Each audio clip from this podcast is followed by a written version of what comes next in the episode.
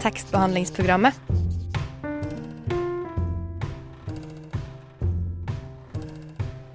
Tekstbehandling på radio.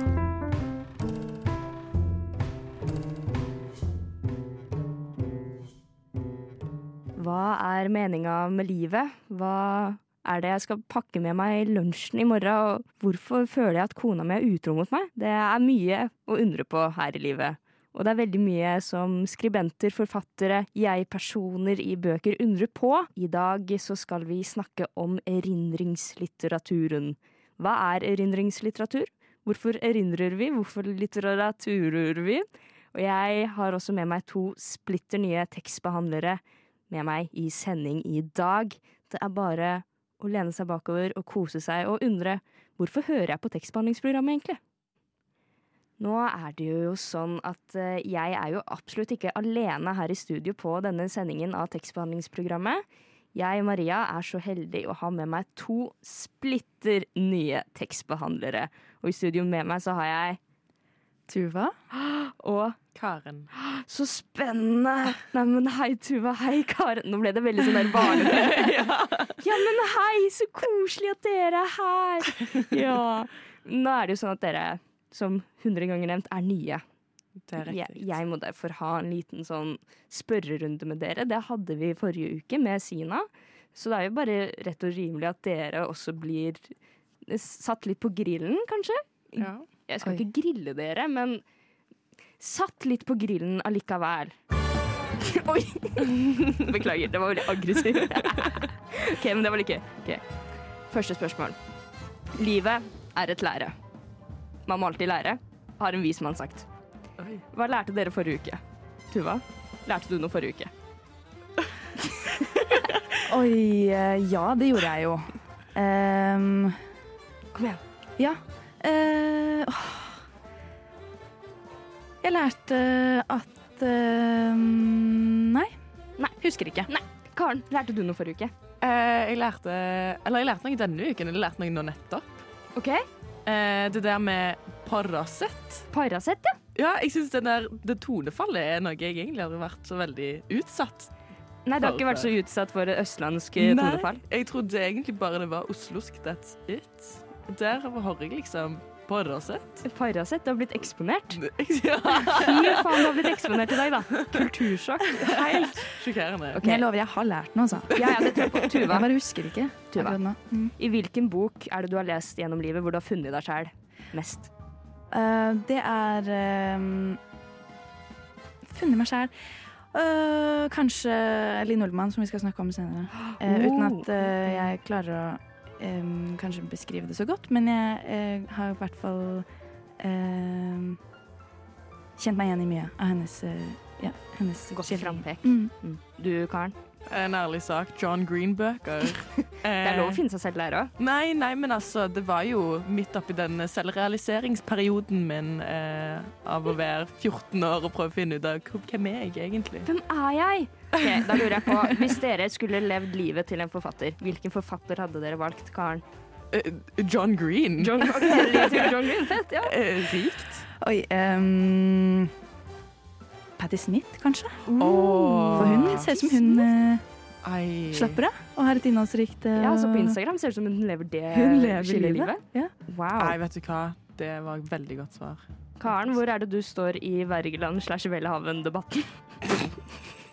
Jeg syns det er litt uh, slemt å ligge med søstre og sånt, Norge, men eh, Enig?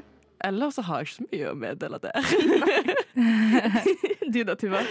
Eh, stiller meg nøytral, men jeg er veldig glad i Welhaven. Oi, du er nødt Oi. Oi, vi har en liten Her er, li... her Men det er jo ikke nøytralt i det hele tatt. Ned.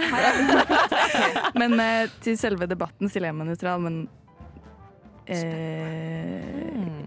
glad i Welhaven. Det er det jeg har å si. Hva er den beste TikTok-boka du veit om? Beste TikTok-boka? Det vet jeg ikke hva er engang.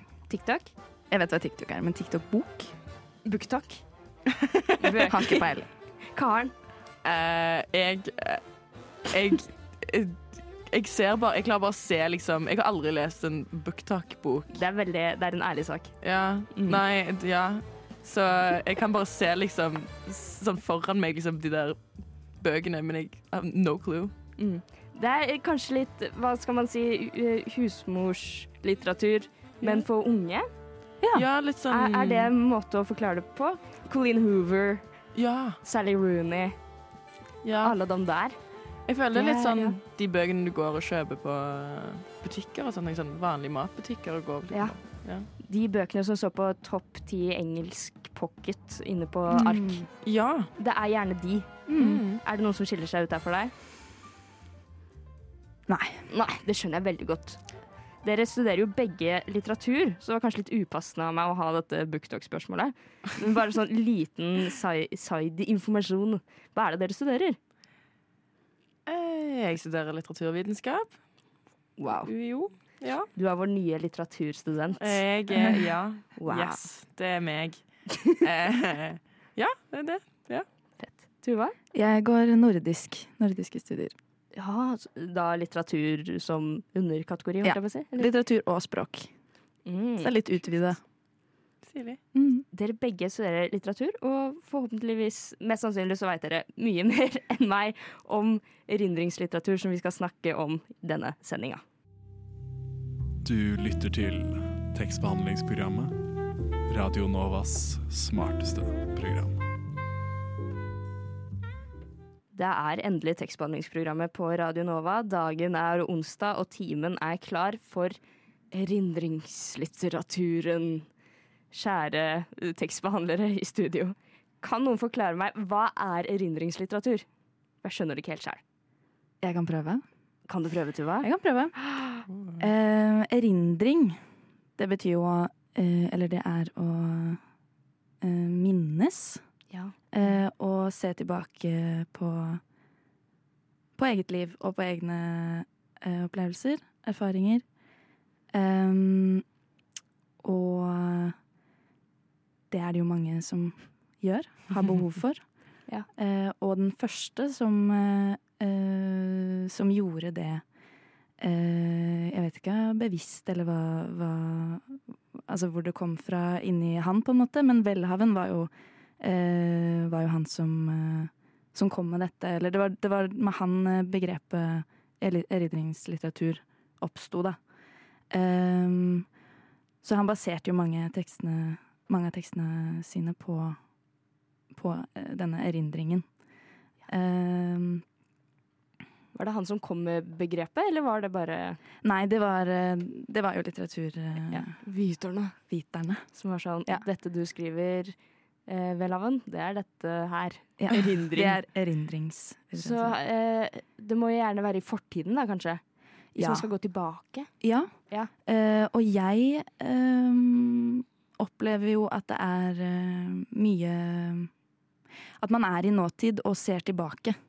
Eh, og ikke er satt i fortiden, men at man er eh, i seg selv eh, i nåtid, på en måte, men ser Velger å se tilbake for å forstå seg mer på eh, fortiden og, eh, og hva som har gjort at du har blitt den du har blitt. Mm. Og også som en form for eh, kanskje behandling av eh, traumer, på en måte. Egen, egen behandling. Men Selvbehandling. er det noen sånn Sorry, men sånn tydelige sånn sjangertrekk som du kan virkelig se sånn strekke seg ut, som er veldig tydelig for erindringslitteraturen? da? Jeg vet ikke med sjangertrekk, men man har i hvert fall han eh, som jeg i hvert fall tenker på eh, Som er den første jeg tenker på når jeg tenker på eh, erindringslitteratur, og det er eh, Joe Brainard som har skrevet en bok som heter Jeg husker, eller I Remember. Mm. eh, som bare er en eh, Det er på en måte oppramsing bare av minner. Eh, og alle, det er enkeltsetninger eh, som starter med 'jeg husker', da. Ja. Eh, og så, ja, videre. Rett, og, rett og slett litt sånn dagboksnotat, føler jeg? Ja. Eller?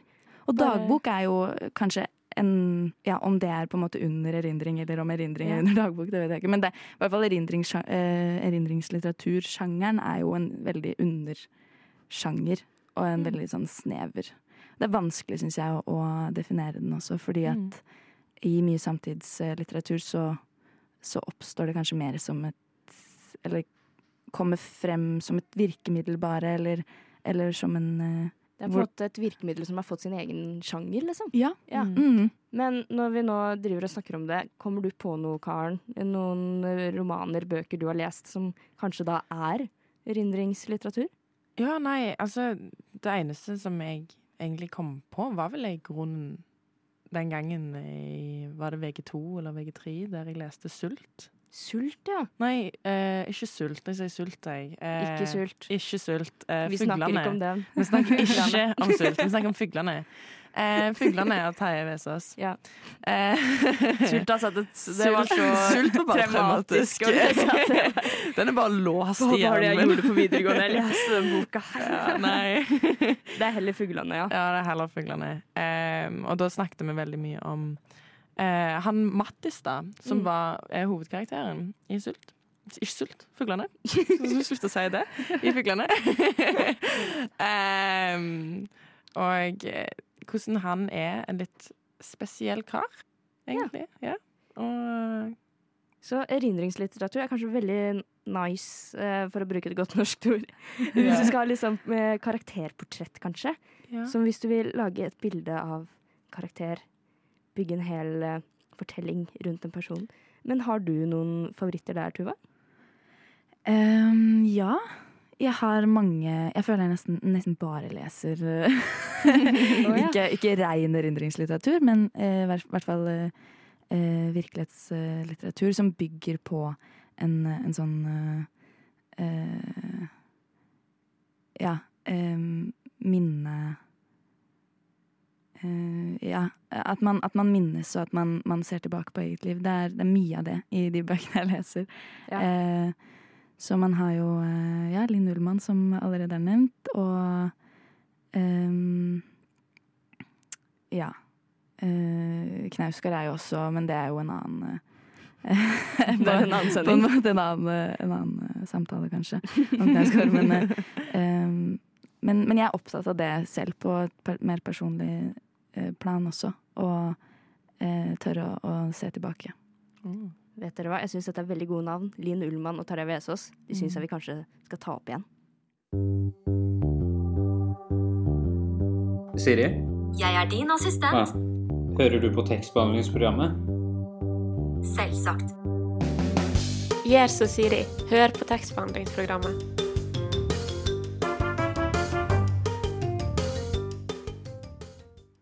I denne samtalen eh, vi har eh, nå om erindringslitteratur, så er det to sterke, gode navn som har dukket opp.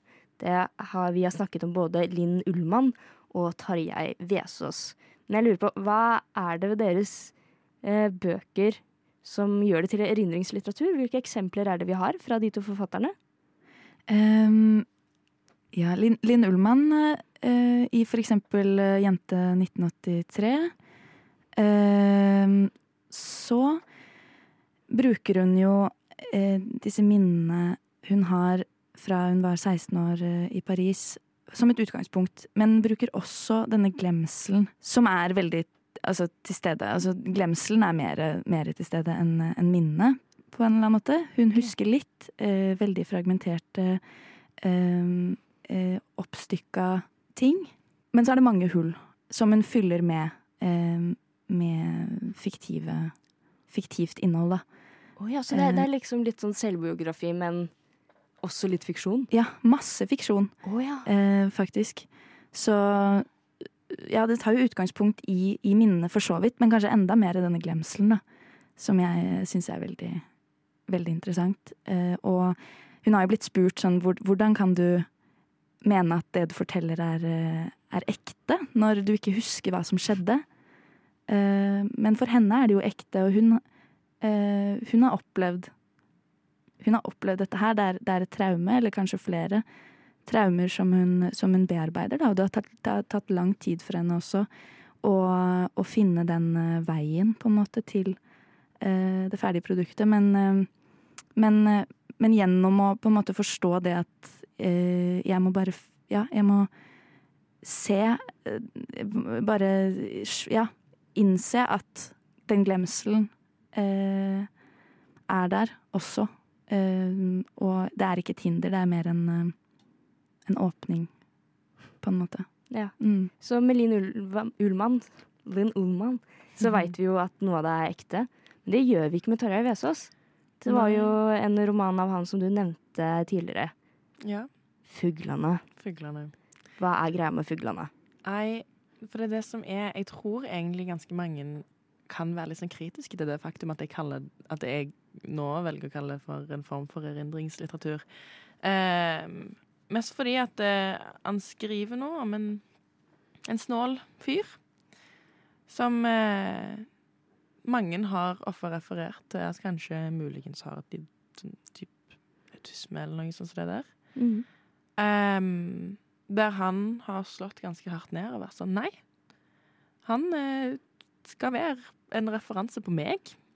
Ja, Tarjei har sagt det sjøl. Ja, eh, det jeg følger, jf. Eh, norsklæreren min, så eh, Det er lov til å være litt sånn kildekritiske her. Men eh, ja, så vidt jeg husker, så var det det han sa, og eh, eh, at det på det viset blir dermed At en bruker liksom tanken Altså egne opplevelser og litt sånt noe eh, for å ja, skrive skjønnlitteratur.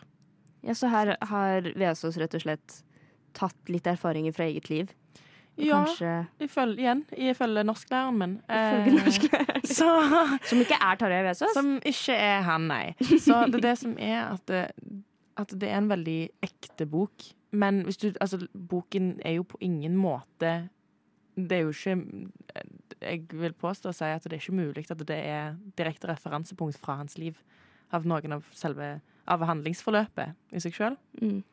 Eh, men at det er mer selve karakteren Ja. som dan, eh, dannes ut ifra personen, gjerne. Som det da er erindringslitteratur. Jeg, jeg vet ikke helt. ja, for hva blir da forskjellen på erindringslitteratur og det man så ofte snakker om i norsk litteratursammenheng, autofiksjon? Altså fiksjon hvor forfattere skriver ut ifra eget liv. Nesten selvbiografisk, men igjen, de kaller det fiksjon. Hva blir Mm. forskjellene der? Det er jo det store spørsmålet. Ja. Og jeg vet faktisk ikke selv.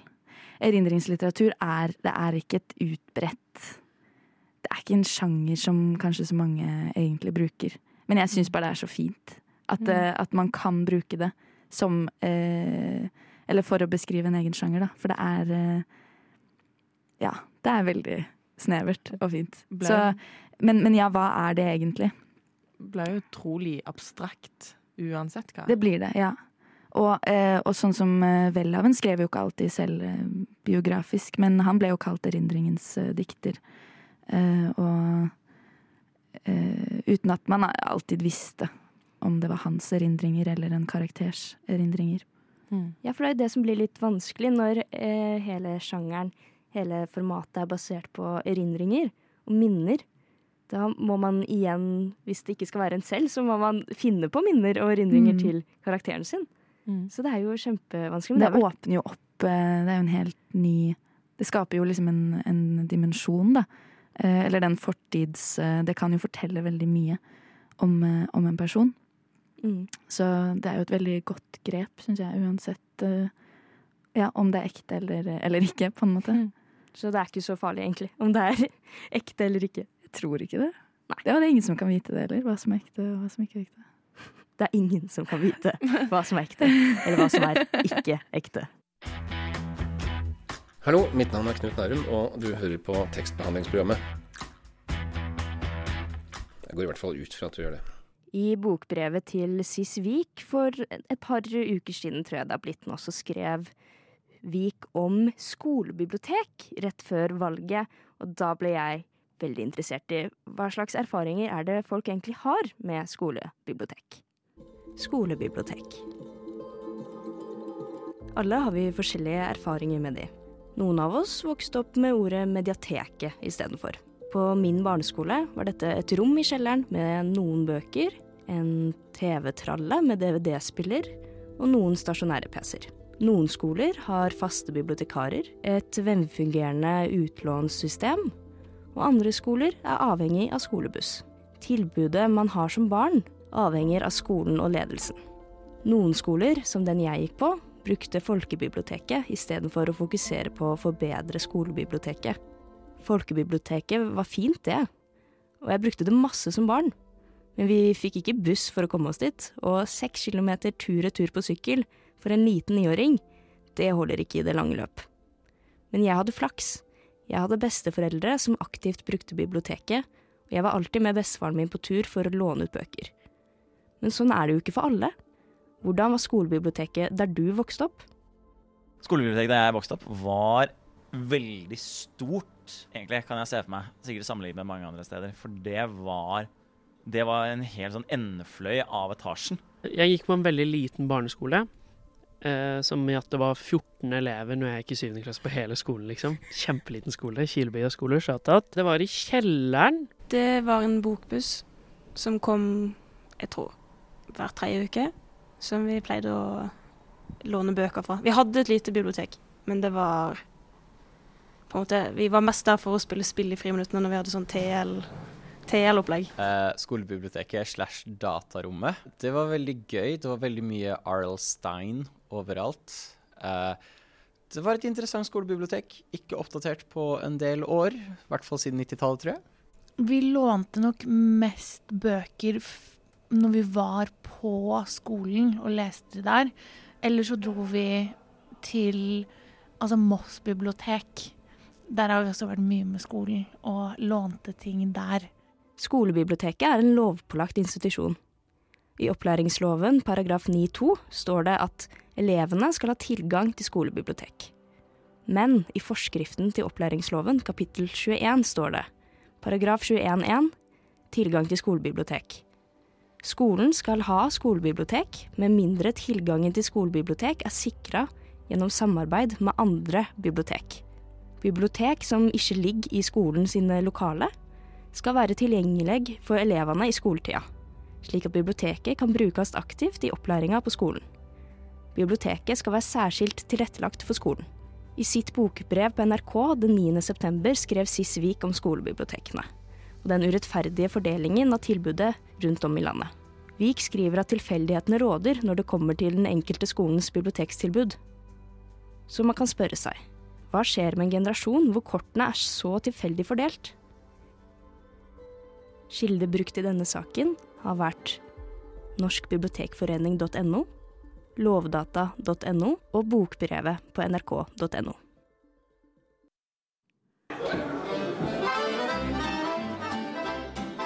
Hvis du går hjem med noen og de ikke har bøker, ikke knull dem. Hilsen tekstbehandlingsprogrammet. I tekstbehandlingsprogrammet i dag så snakker vi om den såkalte erindringslitteraturen, som jo er et veldig, veldig langt ord. Som er eh, like komplisert kanskje som ordet høres ut som. For er det kanskje litt problematisk, eller er det Hvordan samtaler er det som dukker opp når man skriver om kanskje sine egne tidligere minner og erfaringer? Det er jo um, mye konflikter da, som kan oppstå, for uh, det er jo veldig personlig, og, og kanskje til og med privat. Eller visse nære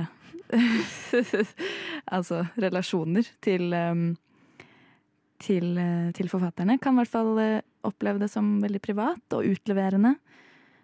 som for eksempel Um, ja, Geir Gulliksen har jo skrevet en bok som heter 'Historie om et ekteskap', hvor, han, uh, hvor, han, skildrer et, uh, et ekteskap som, som, forfaller, da. Mm. Og, og, den er skrevet um, med hvor, hvor det bare er fra hans perspektiv i ekteskapet.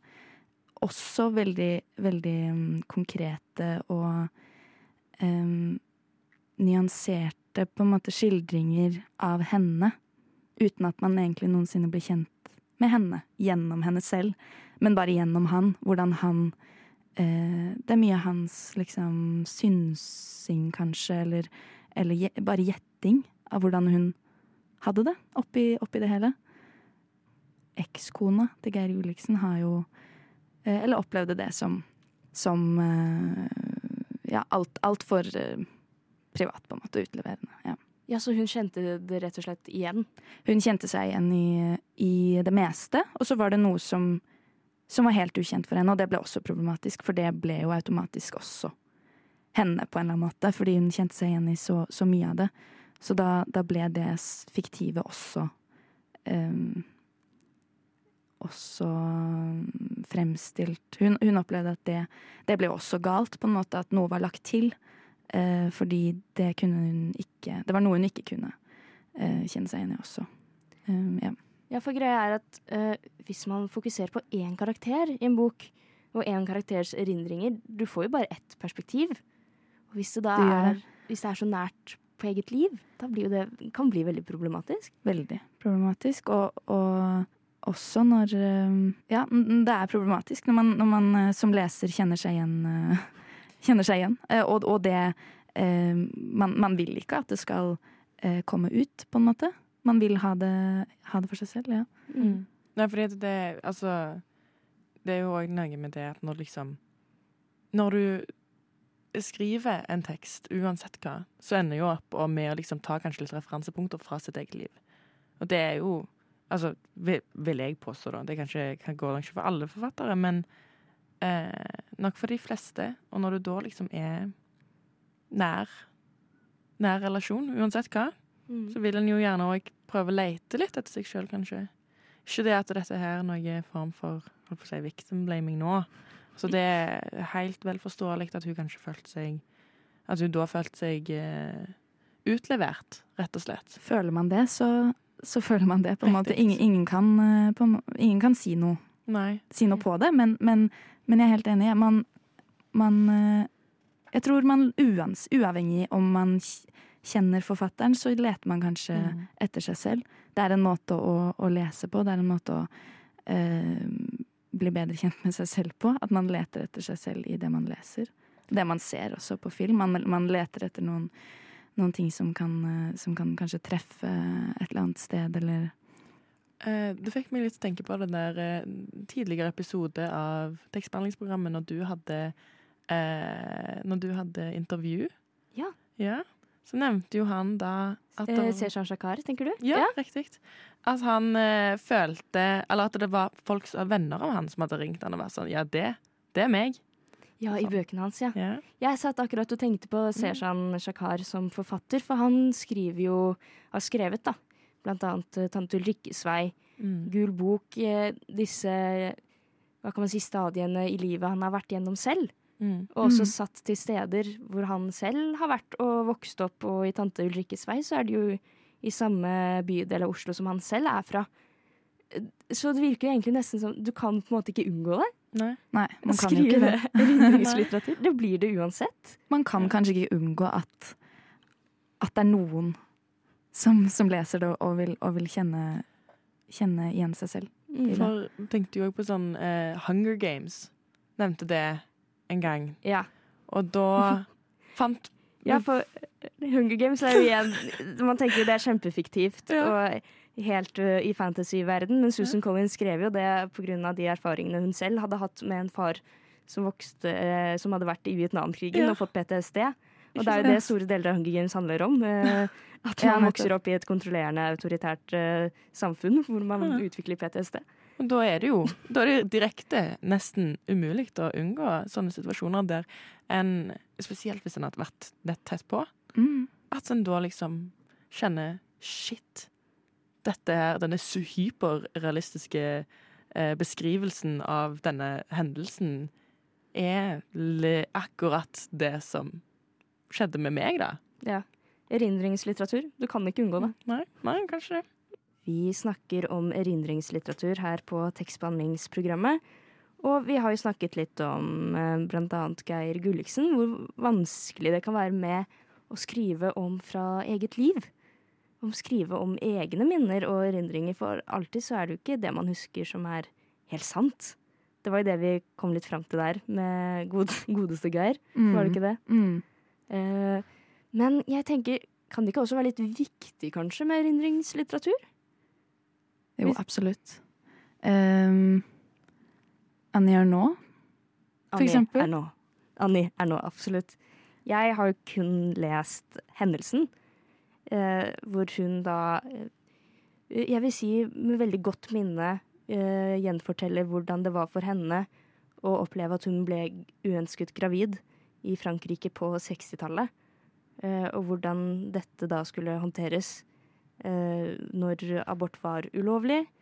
Og hvordan, rett og slett, hvordan skulle hun løse dette her. Og jeg husker at det var en bok som jeg leste, kjempekort, 80 sider, eller hva det er. Og jeg fikk sånn skikkelig sug i magen. Det var sånn Det ble så personlig på en måte, og så ekte at jeg tenkte dette her må jo dette mennesket ha gått gjennom. Mm. Men da er det jo kanskje også en type litteratur som blir veldig viktig. Kjente jeg fikk frysninger bare at du sa det. Bare av at jeg gjenfortalte. Wow. Sånn, uh. Jeg har, den, jeg har den forteller gjenfortellingsevnen. Viser det seg. Men har du noen bøker der, Karen, hvor du tenker sånn Oi, dette her er jævlig tøft, men det er bra at noen skriver om det? Nei, for jeg satt og grubla litt på det. Um, uh, fordi jeg, Altså, jeg tror det var det som var litt forsøket uh, i Tore Renberg sin Er det 'Du er så lys'? Der han eh, kan gå i ganske intense detaljer om eh, ganske mye grove saker, som alt fra selvmord og eh, dårlig, veldig dårlig behandling av eh, mennesker, rett Mm. og slett. Um, der, dette er òg en ting som vi leste i VG2 eller VG3. der det kom ganske mye kritikk, jeg husker jeg, i klassen, eh, der det ble nesten for grovt. At det ble litt sånn Nesten litt rart. Skjønner. Mm. Er det noe erindringslitteratur, eh, Tuva, som du tenker er veldig viktig at vi leser? Um, Geir, kanskje? Geir. Jeg syns eh, Geir eh, Jeg er veldig glad i Geir. Jeg er veldig glad i den boka, og jeg forstår eh, jo all problematikken som oppstår i det virkelige liv, på en eller annen måte, men, men boka for seg selv i, i et vakuum, på en måte Altså, jeg, jeg syns den er Den er så så fint skrevet om, om et ekteskap, da, som eh, Hvor man bare holder, eh, holder så liksom sterkt man, man vil liksom ikke slippe taket selv om um, Selv om begge, begge parter i, i forholdet ser at dette burde ta slutt. Uh, og, og hva som hva som kan oppstå da av forferdeligheter, på en måte, liksom, når, Mm. når ting bare ikke fungerer, da. Og det, det er jo viktig. Jeg syns det er en viktig tematikk. Ja, så det, er, det er vanskelig, men samtidig så er det nødvendig, på en måte. Ja. Som all, som all litteratur, dere. ja, men, jo, men uh, altså, for han var det viktig også å Mm. skrive om det, og det er jo det er jo bearbeiding. Det er jo det. Det er jo bearbeiding av uh, opplevelser. Mm. Det er jo det han driver med. Han hadde behov for å, for å gjøre det. Jeg støtter det. 100 Men så er det òg veldig viktig for generelle lesere. Eh, det å liksom kunne eh, vite at en er ikke aleine. Sånn, jeg har gått gjennom noe sykt og traumatisk og grusomt, og eh, velger å være eh, åpen om det. Sånn at andre kan òg kjenne, altså kjenne seg igjen og være sånn Jeg er ikke aleine. Jeg tror det er utrolig viktig, og det er veldig godt at, eh, at hun Anja nå, Mm. for eksempel, kan skrive om det for at andre skal føle seg litt nesten hjemme i litteraturen. Mm. Nå har vi jo både gått eh, litt eh, inn og ut av erindringslitteraturen og snakket om hva det er. Men har vi nå på tampen av sendinga noen bøker, erindringsbøker, som vi tenker at folk der ute må lese? Har vi noen anbefalinger? Jeg føler du har Jeg har en hel bok. Um, igjen så er det vanskelig, litt vanskelig å definere hva, hva, ja, hva det er. Hva som er erindringslitteratur. Men eh, jeg vil jo eh, ta opp igjen, eh, eller nevne den eh, jeg husker, av Joe, Brain, Joe Brainard, Mm. eh, som, eh, som en sånn kjerne, eller sånn introduksjon kanskje, til sjangeren. Eh, for den er veldig konkret, rett på sak. Jeg husker dette og dette og dette fra mitt liv, og bygger på en måte en historie bare basert på noen enkeltsetninger, da. Eller mange enkeltsetninger, men, men eh, jeg syns det er en eh, ja, virkelighetslitteratur på sitt aller, aller beste, altså. Ja. Um, og så er det jo, ja Geir. Finn Ullmann, Geir. Ja, Geir. De vi har snakket om, egentlig. Um, Jeg er litt enig i de ja. vi har snakket om. Ja. er nå jeg kan jeg aldri slutte å anbefale, egentlig. Har Nei. du noen på tampen, Karen, som tenker at People gotta read this. um, som jeg kommer på akkurat nå, her og nå? Nei Altså, jeg tenker jo sånn Bare alt det som er nevnt allerede. Du nevnte jo Patti Smith helt i begynnelsen. Ja, for så vidt. Det er Det er jo, jo Altså, til nå har jo blitt en klassiker. Alle Mm. elsker jo den boka der Mm. eh, av hun da. Så Ja, Just Kids. Just Kids, ja. Mm. Jeg, jeg tror vi, i hvert fall meg og du, Karen, vi må lese litt mer erindringslitteratur. Ja, Men Nå har vi fått masse gode forslag fra Tuva, da, så vi får bare sette i gang, egentlig. Ja, egentlig. Fuck yeah, bro! Jeg hører på tekstbehandlingsprogrammet. Radio Nova. Klokka er dessverre snart tid for ikke mer tekstbehandlingsprogrammet. Den tiden på døgnet jeg hater aller mest. Nå har vi hatt eh, en god sending her hvor vi har snakket om erindringslitteratur. Hvordan føles det dere? Deres første sending, begge to. Både Karen og Tuva. Det føles Det vil tiden vise, hvordan det føles. det vil tiden vise. Jeg syns det var kjempegøy. Jeg syns det var dritgøy. Og så lært så mye om erindringslitteratur. Samme her. Jeg har lært ekstremt mye. Tror jeg. Det er sjelden jeg har lært så mye på en sending. Det var kjempespennende, faktisk. Vi har vært tekstbehandlingsprogrammet her på Radio Nova. Hvis du vil høre oss live, så er det bare å skru på Radio Nova onsdager klokka ti på DAB eller på mm, mobilen hvor enn du liker å høre på live radio. Hvis du ikke har tid til deg akkurat klokka ti til elleve på en onsdag, så kan du høre på sendingene våre i ettertid som podkaster. Hvor enn det er du liker å høre på podkast. Da er det bare å søke opp tekstbehandlingsprogrammet. Da sier jeg bare takk for oss, og ha en ellers kjempefin onsdag. Ha det! Ha det!